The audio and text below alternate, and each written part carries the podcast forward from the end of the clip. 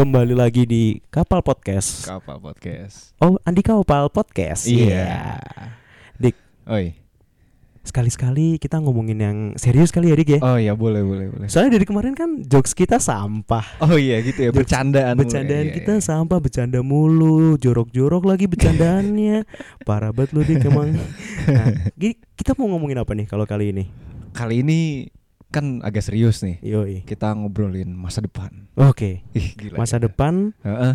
eh, pemerintah Indonesia. Bukan dong, Bukan. bukan, kejauhan. Oh, bukan. Nggak, nggak nyampe otak Oke. saya. Oh iya. Enggak, enggak nyampe.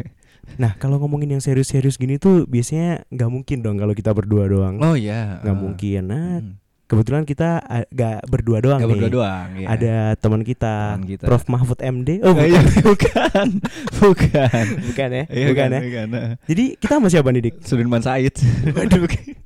Bukan juga. Enggak, enggak, enggak. Ini teman kita dari kalau Pak Ganjar ini. Nah, itu dia. Itu dia tadi suaranya. yang jelas bukan Pak Ganjar. Ini ya. teman kita berdua namanya Abizar Bi. Ya. Bisa Halo perkenalan semuanya. Yoi. Ah. Jadi kenapa kita ngomongin eh kenapa kita ngomong sama Iqbal sekarang eh Iqbal Abizar namanya ya. Abizar, Abi. Gue biasanya manggilnya Abi sih, tapi kan Iqbal namanya. iya Ya udah terserah lah ya. Eh, terserah. Nah, itu karena eh, Abi ini punya banyak cerita yang lumayan menarik nih sama yang kita mau bahas sekarang Iya. nih. Nah, salah satunya namanya mahasiswa akhir nih kan udah mulai kepikiran nih buat kita nyari yang namanya nyari kerja, Mm-mm. ya enggak sih? Iya, Yang iya. namanya mulai mikirin masa depan. Kita dia yang lu ngomongin Dik ya kan? Yang Ngomongin mana? masa eh, yang masa depan Mas. Oh iya, sorry baru bangun. Ngantuk. Emang sih kebetulan kita tag-nya setengah lima, setengah lima setengah lima sore tapi anjir. Jadi emang jam-jam kita harusnya masih bangun tidur. Nah, terus eh, kalau ngomongin masa depan deh, ngomongin soal mapan Oke, iya, atau iya, kemapanan. iya. Heeh. Kalian punya perspektif-perspektif sendiri nggak tentang kemapanan itu apa sih? Dari siapa dulu nih? Eh, Dari lu dulu Didik. Oke, boleh, boleh. boleh. Kalau gua ya lebih ke ini sih. Eh ketika kita udah bisa mencukupi kebutuhan kita yang eh sampai paling enggak tersier yang enggak muluk-muluk deh. Nah, itu udah udah mapan sih di mana pun itu ya, Hmm. di mana pun itu. Dan nggak melulu soal kan kalau misal primer tuh kan sandang pangan papan bener gak? Nah, Iya, bener. Nggak melulu kayak misal katakanlah pangan itu nggak melulu beli, bisa aja kita tuh yang mengandalkan apa namanya bercocok tanam. Download gitu ya. download Oh. ya habis itu di print dimakan deh tuh sampai puas nah, itu menurut Iya. gue gimana menurut gue kalau gimana pal Kalau menurut gue sih kalau gue kan ber kalau gue kan lelaki budaya barat nih. iya Jadi kayak kalau yang gue kalau yang gue lihat sih map mapan itu di mana kita bisa foya-foya tanpa harus mikir Mm-mm. uang kita tinggal berapa. oh gitu itu cukup udah cukup tuh mapan menurut gue tuh udah kayak, kayak gitu, gitu tuh. ya Jadi yang yang kalau lu kalau lu bisa dibilang mapan kalau ketika kebutuhan tersier lu itu udah nggak lu eh ketika kebutuhan primer dan sekunder lu tadi udah nggak lu pikirin lagi. Mm-mm. Jadi lu lebih mikirinnya yang ke tersier, Oke. senang-senang gitu kan. Nah, tapi, tapi ini ada Nih.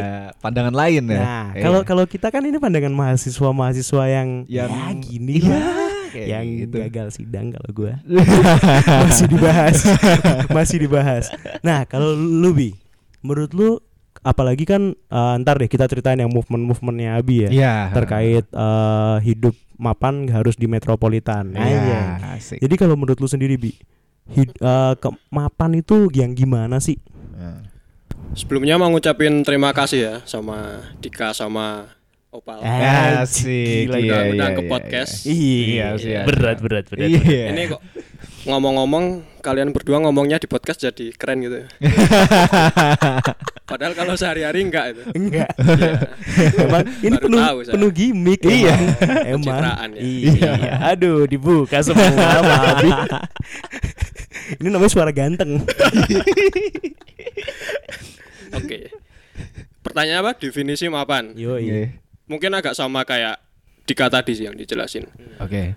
Kalau menurut saya mapan itu ya kebutuhan primer, kebutuhan primer ya terutama Mhm. udah terpenuhi. Kita udah nggak usah mikirin hari besok makan apa, hari besok mau apa. Kita kayak udah ya udah cukup gitu merasa cukup itu udah mapan menurutku Oh, oke. Berarti cuman cukup di kebutuhan primer aja ya kalau menurut lu ya, Bi? ya kalau mapan ya Heeh. mapan standarnya kebutuhan primer udah terpenuhi dia udah mapan Hmm. kalau Hmm. sekunder tersier itu kan mungkin levelnya udah di atasnya mapan mungkin ya. Oh, Oke, Hmm, oke. iya. oke. Nah, tapi kenapa sih orang-orang kayak terutama kita ya, Iya, mahasiswa iya. mahasiswa apalagi kalau kalau gua, kalau kalian nggak tahu nih, ntar gue tanya Ah. nih satu-satu. Oke, oke. Kalau gua sih masih kepikiran kalau yang namanya mapan itu eh ya kita apalagi kan kita kuliah di suatu eh, kita kuliah nggak di kota nih. Ma iya di kota Di sih. kota. Iya, Maksudnya tapi nggak di tapi nggak di metropolitan Nah, Ah, itu dia. Untung iya, ada iya. Abi yang beresin kan.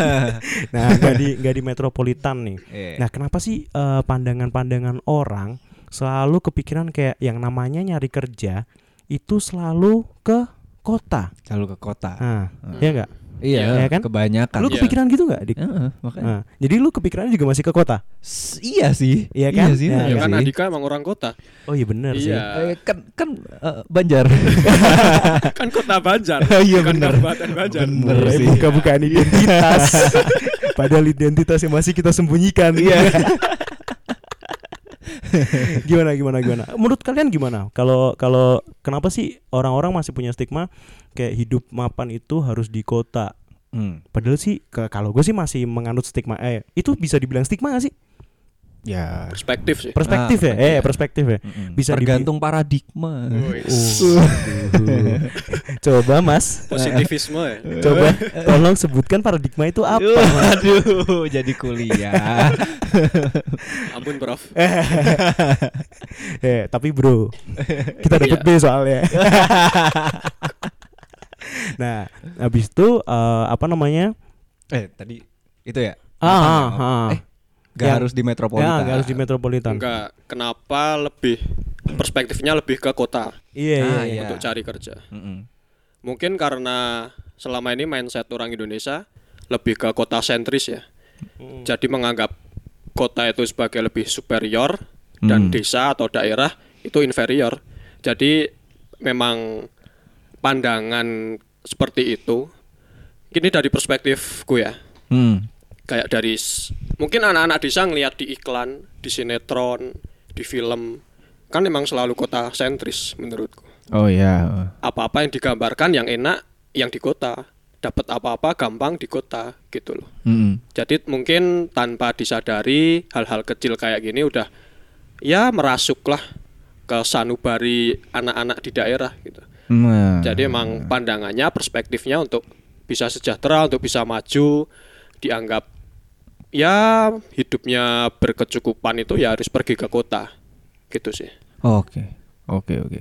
Nah, tapi kalau ada beberapa hal sama eh, orang yang mempengaruhi pandanganku pribadi. Hmm. Nah, soalnya ada yang sebenarnya kayak contoh salah satu temen eh, papa. Hmm. Nah, itu tuh ada yang dari di desa itu membuka usaha kayak eh kerajinan apa ya? rotan gitu, tapi furnitur. Ya. Hmm. Furnitur. Nah, itu dan itu lumayan besar, lumayan sih. besar. Nah, cuman gini, itu kalau ngelihat orang lain ya contohnya ada. Iya. Cuman kalau buat diri sendiri tuh Nah, nah, itu dia, Itu dia. itu dia. Kalau buat diri sendiri tuh nggak rada nggak kebayang gitu. Bener. Rada nggak kebayang. Soalnya sih kalau gue selalu dapat framing eh, ketika a- apa ya katakanlah nonton acara-acara yang motivasional itu kan eh, Rio Teguh. Iya bisa dibilang kayak itu Mario Teguh atau Hitam Putih kan juga ceritanya kan kayak gitu kayak gitu oh iya, kurang lebih ya sih. Kan orang-orang ceritanya orang-orang motivasi dari desa terus bisa sukses gitu kan segala macam cuman Hmm. kalau eh gue kalau gue sendiri sih nggak ada sih bayangan kayak gitu sih mungkin bisa dibilang kayak mereka bisa ada beruntungnya juga nggak sih Iya nggak sih? Eh, lebih ke ini enggak? Kayaknya ya, kayaknya ya. Lebih ke apa yang kita tahu sama mereka tahu udah beda dulu. oh iya sih kayaknya ya, Iya. kayaknya ya. Paradigma. Paradigma Bener, lagi. cara pandang cara Iya, pandang. bener. bener. Tapi kalau yang diomongin Abi tadi ya, eh, itu kayak ini gak sih bi? Eh, bisa dibilang itu urbanisasi kan? Urbanisasi itu salah satu penyebabnya juga karena si kan tadi Abi ngomong kalau Hmm. eh, ada penggambaran dari TV dari segala Iya. macam itu emang terkonsep gak sih? Emang kita tuh didesain buat eh, orang-orang kayak kita nih meninggalkan desa terus ke kota gitu nggak menurut lo apa gimana Mungkin bisa juga ya orang-orang desa mereka urbanisasi selain karena pengaruh hal dari luar, Mm-mm. juga mungkin bisa karena akses. Jadi emang selama ini kan bisa dibilang pembangunan di negara kita Hmm. masih timpang kan antara kota dan desa. Oh, Itu iya. sebuah keniscayaan. Heeh. Nah, dari ketimpangan itu di daerah di desa emang fasilitas kurang. Terus ditambah lagi ada hal-hal dari luar yang mempengaruhi mereka. Ya itu jadi terakumulasi gitu loh. Itu sebagai upaya pembenaran banyak orang untuk melakukan urbanisasi. Hmm. Dan itu juga nggak bisa sepenuhnya disalahkan ya. Mungkin eh, kalau kita sering baca atau apa, urbanisasi sekarang menjadi masalah. Tapi kalau kita lihat perspektif lain, bagi orang desa, urbanisasi adalah solusi. solusi Gitu. Iya, cara iya, cepat iya. biar cepet kaya gitu Iya, kali ya Jadi Nah, ya emang Iya, iya. emang kompleks sih. Iya. Masalahnya nggak nggak sesederhana urbanisasi baik atau buruk. Iya, iya. Iya. Heeh. tapi kalau dari tadi ini kita udah berapa menit ngomong kan ngalor ngidul Iya, iya. Kita kena eh, mungkin eh, ada yang belum nggak kenapa ini orang eh, kenapa tiba-tiba jadi ngomongin tentang desa segala Iya. macam kompetensinya apa Iya. belum tahu Belum, belum. Belum tahu. Nah, belum kita- pada ini. kita ngasih tahu dulu nih Iya. nah kalau Abi sendiri itu punya movement namanya kebun jiwa Kebun jiwan. nah Kebun. Ya itu bukan movement pribadi ya maksudnya sama Oh, Bareng-bareng iya, ya? teman-teman lah. Ya. Ah, Abi salah satu foundernya berarti lah ya Bukan, bukan founder. biasa berendah Eh. Emang bukan Oh, serius. co-founder. hampir hampir mirip. hampir mirip gali terus gali terus Eh, itu Boleh. se- se- sebenarnya Ah, Gerak- boleh ceritain dikit mungkin. Tuh, soal apa sih konsepnya tuh apa dan itu tuh apa gitu. Sebenarnya kebenjiwan itu. Kebun eh, kita punya apa ya namanya konsentrasi ke pertanian dan pangan berkelanjutan sih. Nah, berkelanjutan yang dimaksud tuh yang kayak gimana? Ini kompleks juga ya berkelanjutan. Iya. Jadi kayak ya berkelanjutan dari segi lingkungan karena Hmm. pertanian kan tahulah bersinggungan dengan alam. Ya. Bagaimana kita menghasilkan atau memproduksi pangan itu yang yang sesuai nilai-nilai kelestarian lingkungan. Oke. Terus keberlanjutan itu juga tentang eh, fair trade, keadilan dalam Transaksi. iya transaksi Oke. antara mungkin petani dengan produsen pangan Oh, iya, dan iya. sebagainya. Kayak gitu sih garis besarnya. Oke. oke. jadi bisa dibilang kalau si movement ini eh, berupaya buat mensejahterakan petani juga Ka- kalau garis kalau kalau secara gampangnya gitulah ya nggak sih Ya cita-cita besar sih. Nah, ya kan, Ya, cita-cita. harapannya ya itu Iya kan berarti tujuannya. berarti itu dong salah satunya kayak eh, eh, orang-orang tuh sebenarnya bisa nggak sih kalau eh, apa namanya bisa dibilang eh, apa sih tadi bahasanya anjing gue lupa Apaan? mapan Oh, mapan Nah, ya. mapan di desa kan Ah. itu kan eh, kalau misalnya nih katakanlah gue gue gue angan-angan aja nih misalnya misalnya nih petani nih terus Hmm. dia nanam dia sukses terus dia jual ke kota ya dia kan nggak perlu ke kota Iya. biar jadi kaya ya gak sih Iya, ya kan dari desa. dari- ya kan Iya. dari desa aja kan berarti ah, itu kenapa jadi kenapa nggak gitu aja maksud gak maksud gak maksud gak Enggak gitu aja gimana maksudnya kenapa nggak lu nanam bertani aja Heeh. terus lu menghasilkan terus lu jual terus lu kaya Iya, iya, tapi kan Cuma nggak sesederhana itu sesederhana. kan di Ah. lapangan. Banyak banyak pengaruh sih. Mungkin ini juga kita selama ini banyak memandang eh, lebih ke banyak stigma negatif ke petani.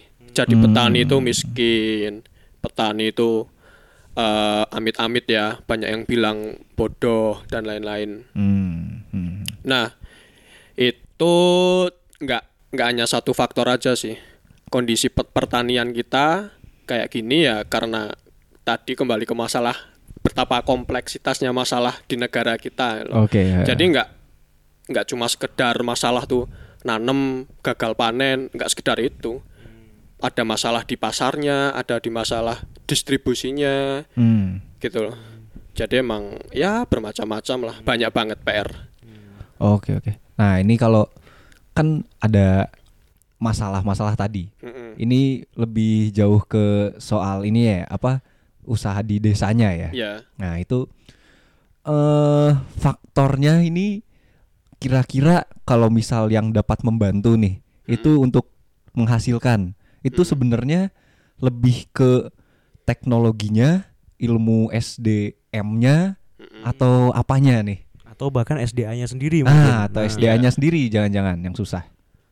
Ini aku berarti jawab sesuai perspektifku ya. Iya, iya, karena iya. ini kan kita diskusi juga Iya. sih. Nggak, Gak ada gak, gak ada yang narasumber, gak ada yang apa. nggak. Enggak kan? Nggak. Ngobrol aja santai. aja. Ngobrol.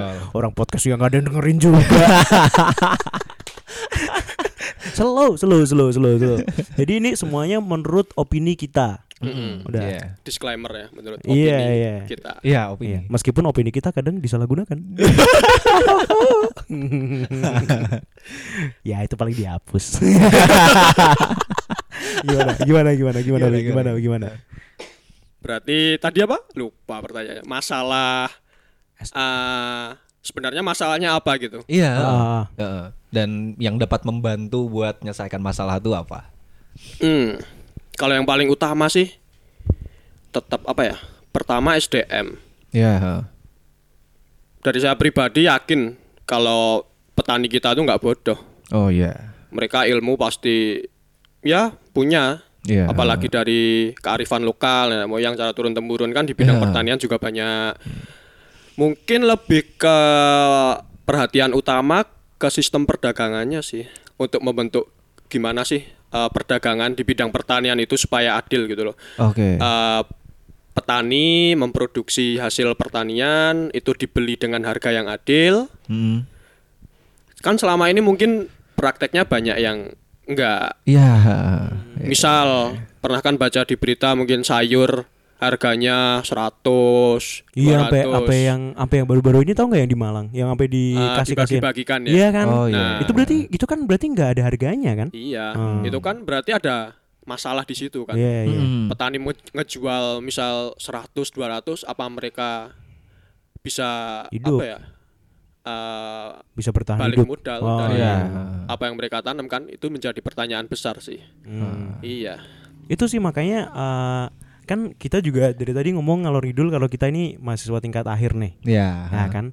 Terus kalau menurut lu sendiri Bi, bisa nggak sih orang-orang kayak kita, apalagi kita bisa dibilang bukan mahasiswa yang bergerak di bidang itu, Iya. bisa dibilang eh, bisa dibilang kan ya kita namanya anak hukum kan. Mm-mm. Iya. Bi- bisa banyak banyak orang yang ngomong kalau anak hukum ya paling bacot doang, paling ngapain doang. Ngafalin undang-undang. Iya Nah. ngafalin pasal. Gue pernah, gue pernah, gue bete banget nih. Kan Eh. ada orang tahu kalau gue anak hukum. Heeh. Tiba-tiba nyep asal nyeplos aja. Kalau pasal 478 itu pas pasal apa mas?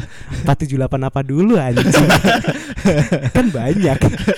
Ada yang lebih ngeselin lagi Gimana tuh? Ketemu nih kan, eh dik dik dik, coba dong keluarin jokes tapi yang ada hubungannya sama hukum lah. Suruh mikir, suruh jokes sambil mikir. Gak, gak. Waduh, Pertama, lu bukan pelawak. bukan bukan. ya kan? bukan. Yang kedua, ya eh, jokes yang hub- hubungannya sama hukum apa? Ketidakadilan. Bercandaan. Iya makanya anjing emang kita kuliah hukum bukan kuliah stand up komedi ya. Makanya.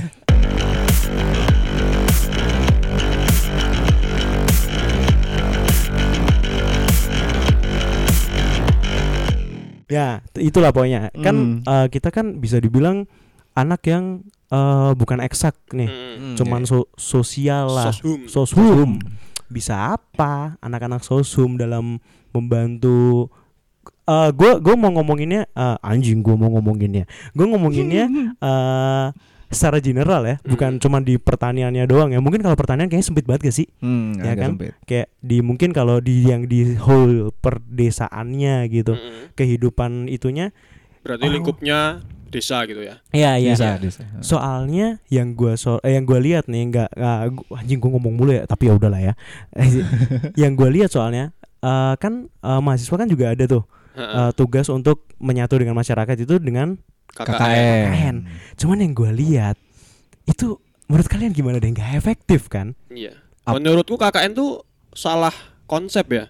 Seharusnya mahasiswa tuh belajar dari masyarakat, bukan masyarakat belajar dari mahasiswa Iya gitu kan? loh. Nah, itu itu kerasa sih, kerasa Iya. banget. Apa yang kita dapetin tuh gue pribadi ya, itu Hmm. lebih kayak ngerasa lebih banyak dapet dari mereka Iya. justru. Iya kan? Justru. Terus selama ini kayak hal-hal pengabdian itu kita terlalu banyak menempatkan warga atau masyarakat sebagai objek bukan sebagai subjek. Ah, iya iya. Jadi mereka diibaratkan benda mati, kosong, nggak bergerak, nerima apa-apa yang kita berikan. Itu konsep yang salah. Ya. Iya. Eh, terus yang menurut gue lebih aneh lagi adalah nggak aneh sih, tapi kayak ya kita kan di da- daerah situ ya mungkin nggak apa-apa lah kalau kalau emang kita di konsentrasi sesuatu kita ngasih tahu misalnya di konsentrasi ilmu kita kita ngasih tahu tentang apa gitu Hmm. Ya. cuman sih kalau kalau lebih lebih tepatnya nggak nggak dengan cara yang kita yang menggurui sih Iya. soalnya jatuhnya de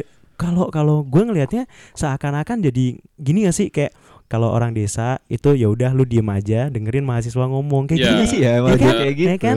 Kayak kita nyiapin program, emang programnya udah bener-bener di, apa dibutuhkan untuk masyarakat. Ah, kan belum tentu. Iya parah, Mm-mm. parah, kita parah. terlalu menjalankan program kan hanya dari perspektif kita, Iya. bukan perspektif masyarakat, gitu loh. Hmm, bener-bener.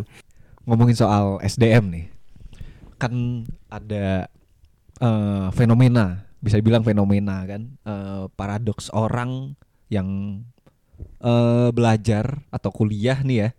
Yang dari desa dia belajar ke kota tapi setelah itu nggak kembali ke desa. Kan padahal ada istilahnya kembali de- ke desa. Bal- balik desa bangun, Bangun desa, desa, ah. Iya. Jadi memang selama ini ada fenomena orang tua di desa menyekolahkan anaknya di kota.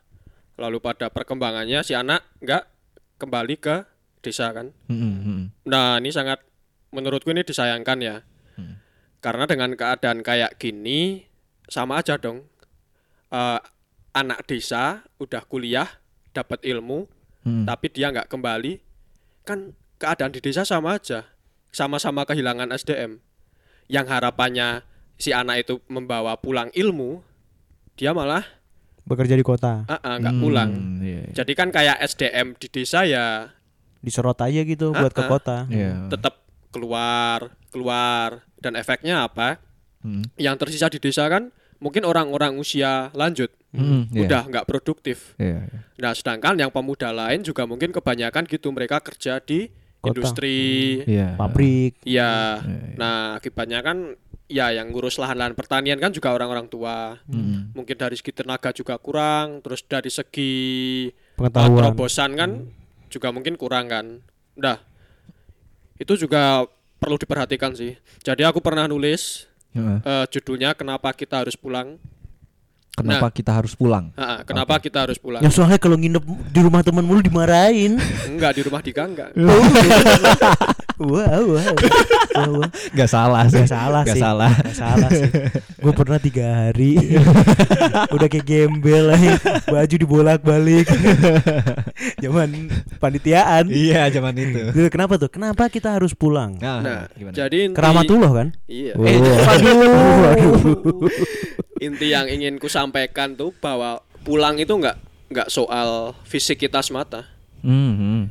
Oke, soal kita bekerja di kota yang namanya rezeki kan enggak Gak ada yang tahu nggak ada yang tahu Hmm. dan mungkin emang pekerjaan yang apa ya eh, sesuai disiplin ilmu kita emang belum bisa diterapkan di desa saat itu dan memaksa kita di kota dan rezekinya di kota kan nggak masalah. Hmm. Nah tapi bagaimana jangan lupa untuk kembali ke desa dalam arti jangan cuma fisiknya Oke. tapi pemikiran kita masih punya sumbangsih pemikiran gitu loh Hmm. jangan terlalu sempit bahwa pulang itu harus melulu menetap di desa, harus tinggal di desa. Itu kan sempit. Mhm, iya. Nah, kita bisa berkontribusi soal pemikiran kita eh, melakukan pendekatan ke masyarakat desa kita. Seperti itu sih. Misalnya eh, fakta di desa ya kayak gitu. Desa tuh kehilangan benar-benar banyak kehilangan sumber daya manusia. Hmm. Ya tapi sama aja sih. Kalau misalnya Lu udah sekolah Ke kota Tapi lu goblok ya. Balik-balik ke desa juga gak ada fungsinya juga. Beban Jadi beban. juga Itu Beban misalnya. masyarakat. Itu misalnya ada gelar SH katakanlah Atau SE atau ST katakanlah. Tapi goblok. Makanya kuliah yang bener. Itu dia. Gila. Pulang ke desa ditanya, "Mas, ini hukum waris gimana ya?" Wah enggak tahu. Wah enggak tahu Saya, saya dapat C. saya dapat C. Mas, ini hukumnya gimana, Mas? Wah, nggak tahu saya bukain buku dulu ya. Ya ilah.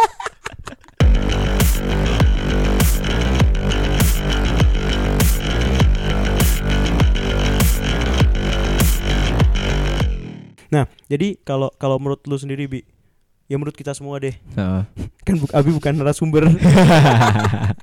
Kan kita diskusi udah disclaimer dari tadi. Makanya. Menurut kita semua deh, anjing tapi nggak enak ya. Menurut kalian dan gua kalau kalau mahasiswa itu terus ngapain? Biar si ki- eh, pembangunan ini ah enggak kalau pembangunan kayak kejauhan deh. Ya udahlah, pembangunan ini nggak cuman maju di kota. Desa. Apakah kita nggak boleh kerja di kota atau gimana? Menurut kalian gimana? Hmm. Oke oke. Kalau menurut gue ya itu hmm, bukan nggak boleh sih ya, Hmm. bukan nggak boleh kerja. Soalnya lebih ke ini sih, kayak yang tadi si Abi bilang dari pembangunan pun udah ada ketimpangan kan antara kota sama desa. Nah itu untuk hmm, masalah apa ya? Kan kayak yang tadi dibilang tuh, kalau masalah SD M MM Hmm. oh ya SDM yang terkait misal pertanian Hmm. itu kan udah ada ilmunya lah bisa Iya. dibilang. Nah, tapi untuk menyesuaikan dengan zaman itu kan perlu pembaharuan ya. nah itu dia pembaharuan. Sedangkan yang tahu biasanya orang-orang yang sudah mempelajari itu jarang ada yang kembali ke desa. jarang ada yang balik betul. desa. Nah, itu dia.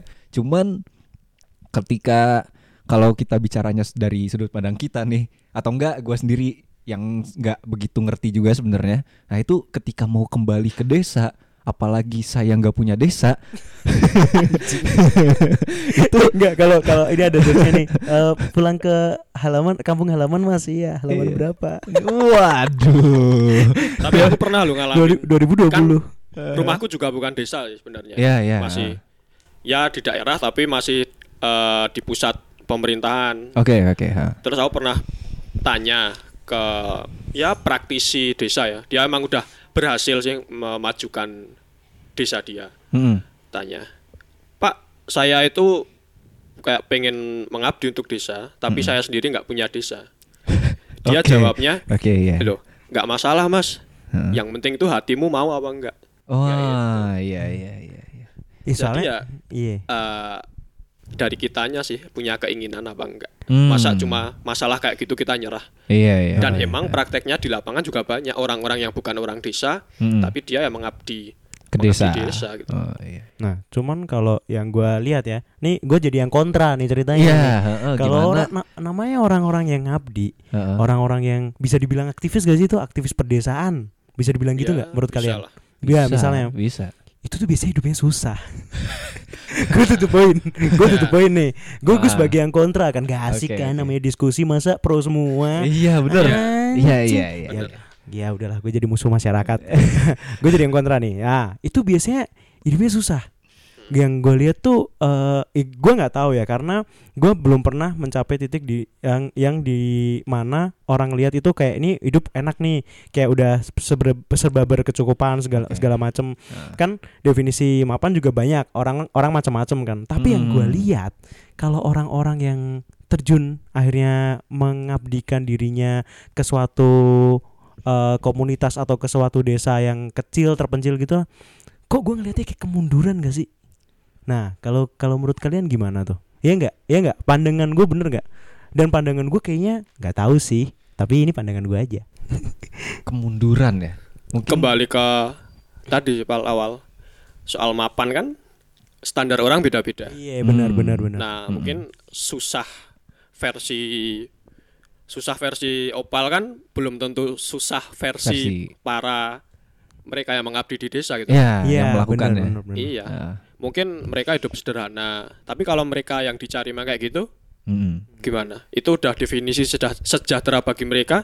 Iya. Nah, iya sih Sejahtera fisik dan batin. iya, Iya, terutama iya. batin. Batin. Hmm. heeh. Ada kan banyak misal menolong orang terus dapat kepuasan secara batin kan Iya, itu sudah termasuk kesejahteraan loh Iya. pada sebagian orang dan aku emang secara nyata menemui orang-orang kayak gitu. Hmm, mereka hmm. hidup sederhana, kita mandangnya mereka susah. Tapi mereka ya enggak ya beneran mereka nggak kerasa diri mereka susah. Karena itu jalan hidup mereka gitu loh. Iya. Soalnya gini, kalau anjing gue mau ngomong apa lupa kan tadi kan? Apa tuh? Apa ya tuh? kan bagus banget lupa. Eh, pada akhirnya yang namanya kemapanan, yang namanya kesejahteraan Mm-mm. itu kan balik ke diri masing-masing kan Iya. berarti kan. Mm-mm. Nah. Motong ya. Nah, Soal kesejahteraan ini juga unik sih. Jadi di negara kita kan ada standar kesejahteraan mungkin kalau kalau tahu ada misal bantuan dari pemerintah dana apa gitulah. oh iya biasanya rumahnya kalau Nah. yang prasejahtera dicat Di- dikasih ah. pilok. Ya, Iya, enggak iya. kan ada kriterianya. Ah, Kan kayak misal rumahnya apa? enggak diubin, enggak Iya, di, nggak ada di ada. keramik. Hmm. Iya. Itu biasanya ya terlangsung masuk kategori tidak sejahtera. Hmm. Lah kalau rumahnya enggak di keramik tapi tiga hektar luasnya. sawahnya 100 berapa hektar. hektar? Heeh. iya makanya. gitu loh. Jadi Iya. emang perspektif sejahtera itu nggak nggak sesempit itu, Itu, loh. iya iya. Bagaimana orang menjalaninya. Mm-mm. Kayak lucu lagi misal uh, orang nggak makan nggak dia nggak makan beras nggak makan nasi terus dianggap nggak sejahtera. Oh. Padahal dia makannya Kentang. ya, nggak nggak kentang. Jadi misal kita nganggap orang makan singkong kan wah Oh. prasejahtera, prasejahtera makanya Oh. singkong. Oh. Singkongnya sak truk tapi. Wah. Nah, kan kaya tuh. Iya. Kaya. Itu lebih keseret sih. Oh, iya sih.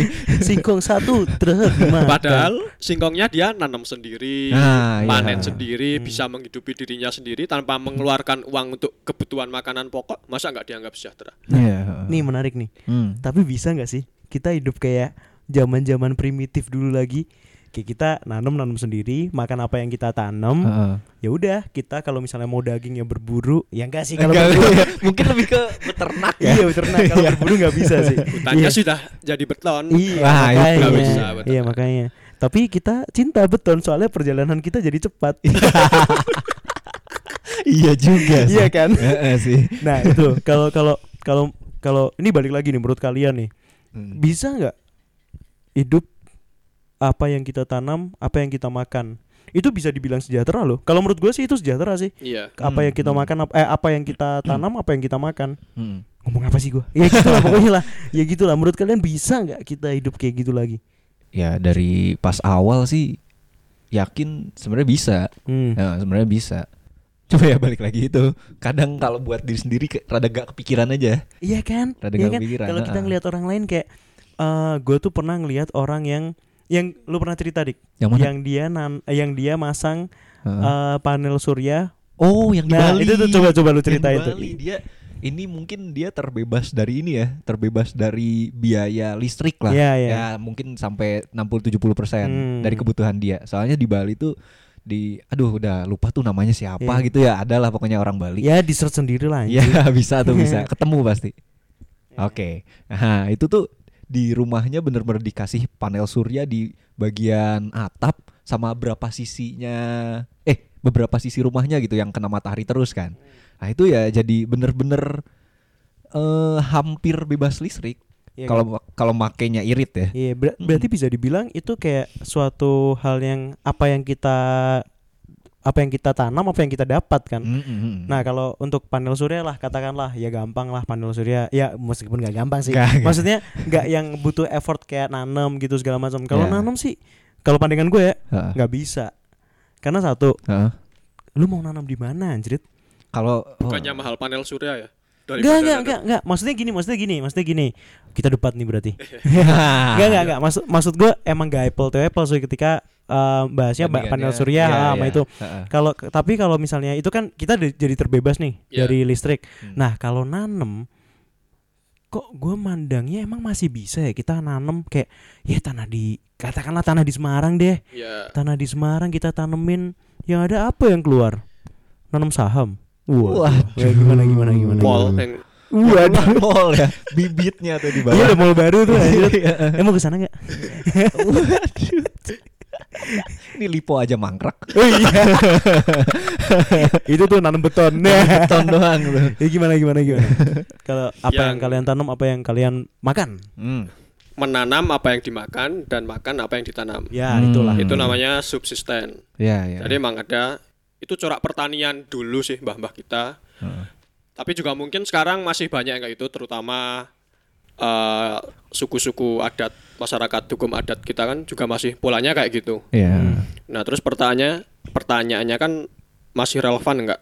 Mm-mm. Nah, aku juga kebetulan mikirin ini udah lama sih.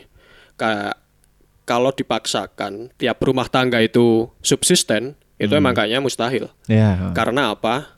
Pertama, nggak semua orang profesinya kan sekarang petani. Mm-mm. Kita udah beragam kan ini profesi.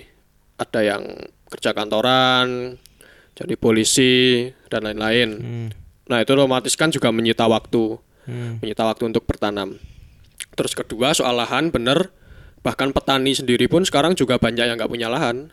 Jadi lahannya mereka jadi buruh tani kan, Garap punya orang ya. Iya, garap Ah. lahannya orang.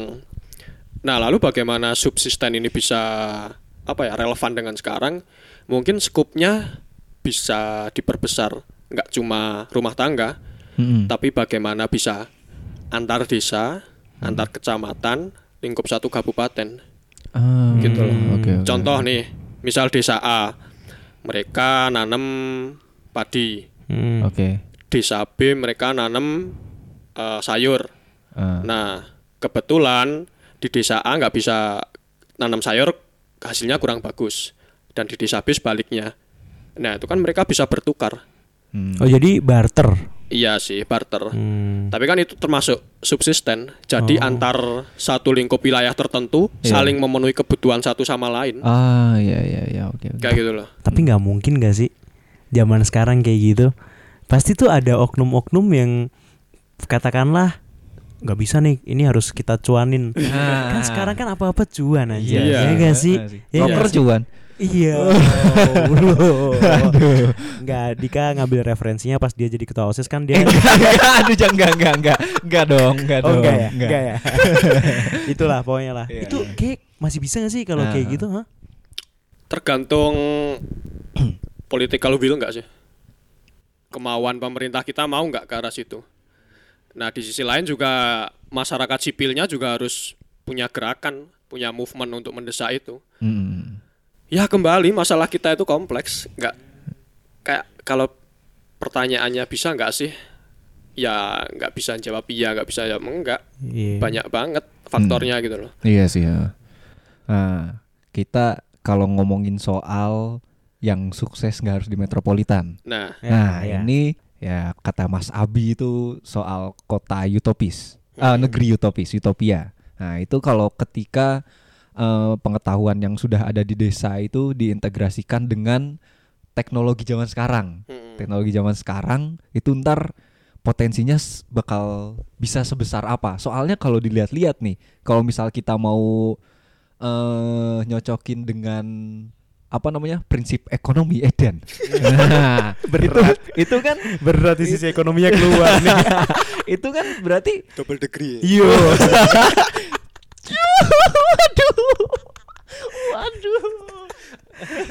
calon, calon. calon kan belum tahu. Degree satu aja belum. Oke, lanjut aja. lanjut, lanjut, lanjut. Ya itu dikat gampang lah. Jadi itu kan permintaan sama supply itu kan eh apa namanya? Kalau sebanding tuh kan eh kalau terpenuhi dengan baik misal sama-sama banyak itu kan Hmm. berarti ekonominya baik bagus. Hmm. Mm, Nah, kalau dilihat-lihat kebutuhan pangan itu kan semua orang butuh ya. nggak Iya. ada yang nggak butuh makan Iya, kan. benar. Dan sampai kapan pun kan pasti butuh. Nah, iya. Selama anak masih lahir. Nah, Selama Selama manus- manusia masih ada. Iya. Heeh, masa Makanan fotosintesis? bisa di-download. Iya. nah, itu dia. Nah, supply-nya sendiri eh sebenarnya kurang tahu juga kalau data ya soalnya. Cuman kalau dilihat-lihat masih mencukupi. Ya enggak sih? Eh, s- apanya supply, Supply pangan. Heeh, masih mencukupi. Iya masih. Masih kan? Masih. Nah, perminta- Sangat. Ah, permintaan ada terus mencukupi juga, tapi kan kalau bicara soal sehari ini nih sekarang kan kurang tersalurkan dengan baik. Hmm. Nah, ini kalau misal eh tadi terintegrasikan dengan baik tuh dengan teknologi yang ada sekarang, itu apakah bisa tersalurkan semuanya kah atau gimana? Apa eh, mapan gak harus di kota tuh bener-bener bisa terwujud ya Hmm. kayak gitu. Oke, mungkin jawabannya agak meloncat-meloncat ya ini. Iya, nggak apa-apa. Pertama, eh, pemikiran bahwa desa itu apa ya benar-benar tertinggal itu Hmm. harus dihapuskan sih. Iya. heeh. Soalnya pertama, desa itu sebagai sumber pengetahuan. Di Hmm. sana ada kearifan lokal dan itu ilmu. Mungkin pernah dengar ya hal-hal apa tradisional, misal ada pohon beringin nggak boleh dipotong. Oh iya. Nanti setannya atau penjaganya marah. Iya. Itu Nah. lebih ke mitos gak sih? Nah, bagi sebagian orang Iya. kan itu dianggap Mitos. apa sih mitos, Ah. tahayul. Mm-mm. Padahal di balik itu jika digali kan bener pohon ringin itu menyerap air baik. Jadi sebagai sumber mata air. Oh. Nah. Oh. Ilmiah ternyata, ternyata ya. Heeh. Gue udah main mitos-mitos aja. Gua lagi. Aduh. terus jangan jangan apa? Kencing sembarangan. Enggak. Enggak, itu salah satunya. Terus jangan nanem tanaman merambat Heeh. di tembok rumah. Nanti dimakan botoro kolo. Nah, itu kan kayak. Kalau orang modern apa sih? nggak mungkin. Heeh. Itu mah Pada- padahal tanaman rambat ngerusak tembok Nah, anjir, iya. ya kan? itu iya. kalau sebenarnya kan Ya gue kulit tahu. hal-hal kayak gini kan kalau digali itu kan ilmu. Iya. Ah. Nah, jadi pertanyaan tuh sekarang tuh kita dalam apa ya kayak ada missing link sih antara ilmu pengetahuan modern Mm-mm. dengan ilmu pengetahuan nenek moyang. Ah iya. iya. Apakah ilmu pengetahuan dulu yang kita anggap kuno nggak masuk akal itu beneran kuno nggak masuk akal atau karena kitanya aja yang gagal menelaah itu? Hmm. Ka- Kalau kalau kalau gue sih menurut gue ngelihatnya gini sih kayak yang biasa dibilang mitos kayak biasa dibilang apa sih pamali? Pamali, Ya, Nah, pamali. itu tuh biasanya ada bukan penjelasan ilmiahnya sih lebih ke kayak orang ngejelasinnya zaman dulu tuh lebih ke nakut-nakutin Ya. Hmm. karena biar gampang di biar gampang di ngertiin nama misalnya gini misalnya gue orang tua nih mau ngasih tahu ke anaknya cara ngasih taunya dengan cara ditakut-takutin Iya. Ya. Nah, misalnya jangan duduk di sini, ntar di gondol kolong WW, misal misalnya, Nah. misal. Nah, kalau kalau yang gue lihat sih, terutama di kayak di generasi kita sih, tugasnya ya itu ngelurus-ngelurusin apa namanya ilmu-ilmu yang bisa dibilang kuno, Iya. Iya. bisa dibilang mitos gitu kan, biar Ya. ada Ah. titik temunya. bisa Hmm. kita pahami kan mungkin uh, orang-orang pinter zaman dulu mereka bilang kayak gitu kan emang keadaan masyarakatnya ya bisa juga kan lalu Hmm. mereka kayak menarasikan dengan hal-hal seperti itu Iya. nah terus kan kita udah hidup di era modern Hmm. Uh, mungkin tugas kita buat sebenarnya menggali hal-hal kayak gitu itu sebenarnya ada apa sih yang ingin disampaikan orang-orang pinter zaman dulu tuh Hmm. itu aku yakin ilmu Iya. kayak contoh di pertanian kan ada pranoto mongso Wah, itu tuh? kayak yalah hitungan hitungan Ah. Jawa ah. Mungkin kan banyak orang anggap itu hal yang apa ya, Mistis. mistis, Hmm. nggak realistis. Hmm. Padahal kan itu dibuat Pranoto Mongso itu nggak main-main loh dengan perhitungan, dengan pengamatan yang lama. Hmm. Nah, jadi kalau aku menyimpulkan ya, eh, yang selama ini hilang, Hmm. kita itu cuma mewariskan produk dari nenek moyang, Hmm. tapi kita tidak mewariskan metode cara nenek moyang untuk membuat suatu ilmu. Paham nggak? Hmm, Iya iya. enggak. Aduh, kontra melulu. Kayak kali ini gue beneran enggak paham. Oh oke oke. ya udah ntar, ntar, ntar gue dengerin deh. Oke oke. Bisa bisa, bisa gimana tuh? Pranoto Mongso tadi. Mungkin generasi sekarang yang gunain Pranoto Mongso, tapi metode untuk membuatnya Nggak tahu. belum tentu semua tahu gitu loh. Hmm, iya, iya, iya. Oh. Heeh. Gini gak sih kayak lebih ke misalnya ki- kita se- eh, katakanlah itu yang Pranoto Mongso itu ya. Ah, Kayak misalnya kita pun menggunakan tapi lebih ke nggak tahu kenapa kita gunain itu. Gitu gak sih kayak misalnya ya, kenapa Hmm. kena- eh, misalnya nih nanam misalnya nanam padi airnya harus 30 cm. Misalnya ada Ya, misalnya ada penjelasannya ya. nih. Ter- Terus si orangnya cuma jawab, "Ya dulu mbahku gitu." nah, Nah, ya itu kan. oke, oke. terima Gila. terima dadi ya. Ah. Ya. Gue emang pinter. Eh, iya, ya gitu kan iya. berarti kan. Nah, dan anak-anak di generasi kita, saya ini juga termasuk Ya, kayak kita semua lah, ya kan. Heeh. kan kebanyakan gitu tau kayak ya udah itu kayak dulu mbah yang ngelakuin itu ya udah dilakuin aja kita nggak Iya. coba menggali Hmm, hmm, hmm. Nah, itu menurutku salah satu potensi yang besar sih ilmu-ilmu kayak gitu, ilmu-ilmu yang ada di desa untuk digali dan Nah. kemudian di apa ya integrasikan dengan ilmu yang kita dapatkan di pendidikan formal. Oke. Jadi Iya, iya, ilmu iya. yang kita dapat di sekolah itu bukan untuk mengajari, bukan untuk menggurui, Hmm. bukan untuk merasa lebih baik, Iya. tapi lebih ke hal-hal kolaborasi. Kenapa kita nggak kolaborasi gitu loh? Hmm, hmm, hmm. Hmm. Nah, iya Mindsetnya tuh jangan hanya kompetisi, tapi juga kolaborasi gitu loh. i- iya sih, maksudnya tapi kenapa hal itu bisa terjadi gitu loh? Nah itu. Hmm. Ngerti gak sih? Kayak Iya. kenapa kenapa muncul stigma kalau orang desa tuh selalu terpojokkan, terpinggirkan. Gue Hmm. gue pernah, gue pernah. Jadi ini ada cerita nih. Gue Ah. pernah ngobrol sama Abi. Ah, Kita kan dari kota yang sama. ah. Terus gue ngomong eh terus eh gue tuh pernah gue jadi gue SMA udah di Semarang kan. Ah. Jadi sebelumnya enggak. Nah, gue pernah ditanyain kayak kalau di kotamu yang dulu itu Hmm. emang ada apa? Relate gak? Ya. Ah, Oh, kan? Gua oke. terus terus gue terus gue gak pernah ngerasa tersinggung gitu loh. Ah, ah. Kena, kayak kenapa emang kalau di kota gue nggak ada misalnya katakanlah mall, ah, ah. misalnya katakanlah nggak ada hiburan, emang kenapa? Jadi Hmm. kayak kenapa sih orang-orang tuh terbangunnya kayak gitu sih? Gue juga Hmm. sebenarnya agak heran sih. Penyer- penyeragaman kan. Iya kan? Mm-mm. Ya, Iya. bener. Definisi, definisi maju kan ya seragam gitu loh. Hmm. Hmm, hmm, hmm. Padahal yo nggak nggak relevan loh buat diterapin di kota masing-masing karena kebutuhannya kan juga beda. Iya. Iya, Ciri iya. khasnya juga beda. Ah. Dan menurut gue kalau misalnya kalau misalnya mereka eh, kiblatnya ke ngelihat ke katakanlah negara-negara maju di Eropa ap- apa di Amerika gitu ya Hmm. misalnya. Kayak menurut gue kalau di Indonesia nggak bisa deh.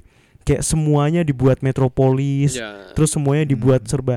Kalau dibuat high tech mungkin ya, mungkin Ya. semuanya bisa ya. Hmm. Cuman kalau dibuat metropolis kayaknya nggak harus ya gak sih? Enggak, enggak. Ya. Eh gitulah intinya. Ah, ah. I- Jadi jadi ini kayak eh, end pointnya nih. Ah, lanjut yang tadi sih. Eh lanjut yang tadi. Ah, ah. Yang apa? Udah kelar belum tadi? Jawaban yang Dika tadi. Kurang apa sih emang? Ah, Oh potensi. potensinya. Ah. Potensinya ya kita bisa berdaya sih. Berdaya. Iya. Jadi yang aku pikirin selama ini kayak eh, kenapa kita nggak mikirin kita berdaya diri kita sendiri. Diri kita itu masuk ma- maksudnya juga lingkup. Misal satu negara Indonesia ini. Iya. Kenapa kita nggak berdaya memenuhi kebutuhan diri kita sendiri dulu, baru mikirin pasar luar negeri kayak gitu loh. Oke. Paham nggak Iya, sih? iya. Jadi kayak s- eh, kayak berdikari gitu gak sih? Ya. Berdiri di kaki sendiri. Anjay bahasanya. Ya, enggak. Oke, oke. Apa ya? Misal kita impor kan itu tetap tetap harus kan Oh, ada iya, iya, produk-produk tertentu yang nggak bisa negara kita hasilkan. Iya, ha, ha. Tapi misal untuk urusan pangan, kan Hmm. katanya kita negara agraris. Iya. Kenapa Katanya. kita masih impor? Hmm. Hmm, hmm, hmm. Kenapa nggak memaksimalkan pertanian negara kita, jalur distribusinya digarap secara serius? Kan itu bisa memenuhi dalam negeri dulu gitu loh. Iya. Kayak kayak Thailand gak sih? Mungkin Mereka kayak ya. gitu kan. Mereka kayak gitu. Menurutku sih Heeh. kita itu ekspor Hmm. kalau udah surplus. Tahu nggak? Misal Heeh. kita misal kita produksi apa ya? Beras. Kondom gitu misalnya. Oh bukan. Wah, sih. udah Eh, keluar cabulnya. Gue dari tadi gak ada cabulnya apa Iya sih, iya Iya kan. Serius banget deh gak enak lah sekali-sekali. Misal beras. Iya, iya. Ya kenapa kita nggak memenuhi beras negara kita dulu, surplusnya baru kita ekspor. Hmm, Jangan iya, iya. dikit-dikit langsung ekspor. Nanti sama aja. Dalam negeri kurang, impor. Impor, ya. Ya itu mungkin pemikiran dangkal sih. Karena aku juga nggak nggak ahli ekonomi ya. Iya. Tapi kayak ada pemikiran kayak gitu sih. Ya Hmm, kita oke. namanya juga diskusi slow-slow Iya, aja kan. santai. Podcast buat grup WhatsApp mungkin ini. episode ada ahli ekonomi kan. Ya, Wah. bisa. Kalau ada yang udah lulus ekonomi. Ya. Ya.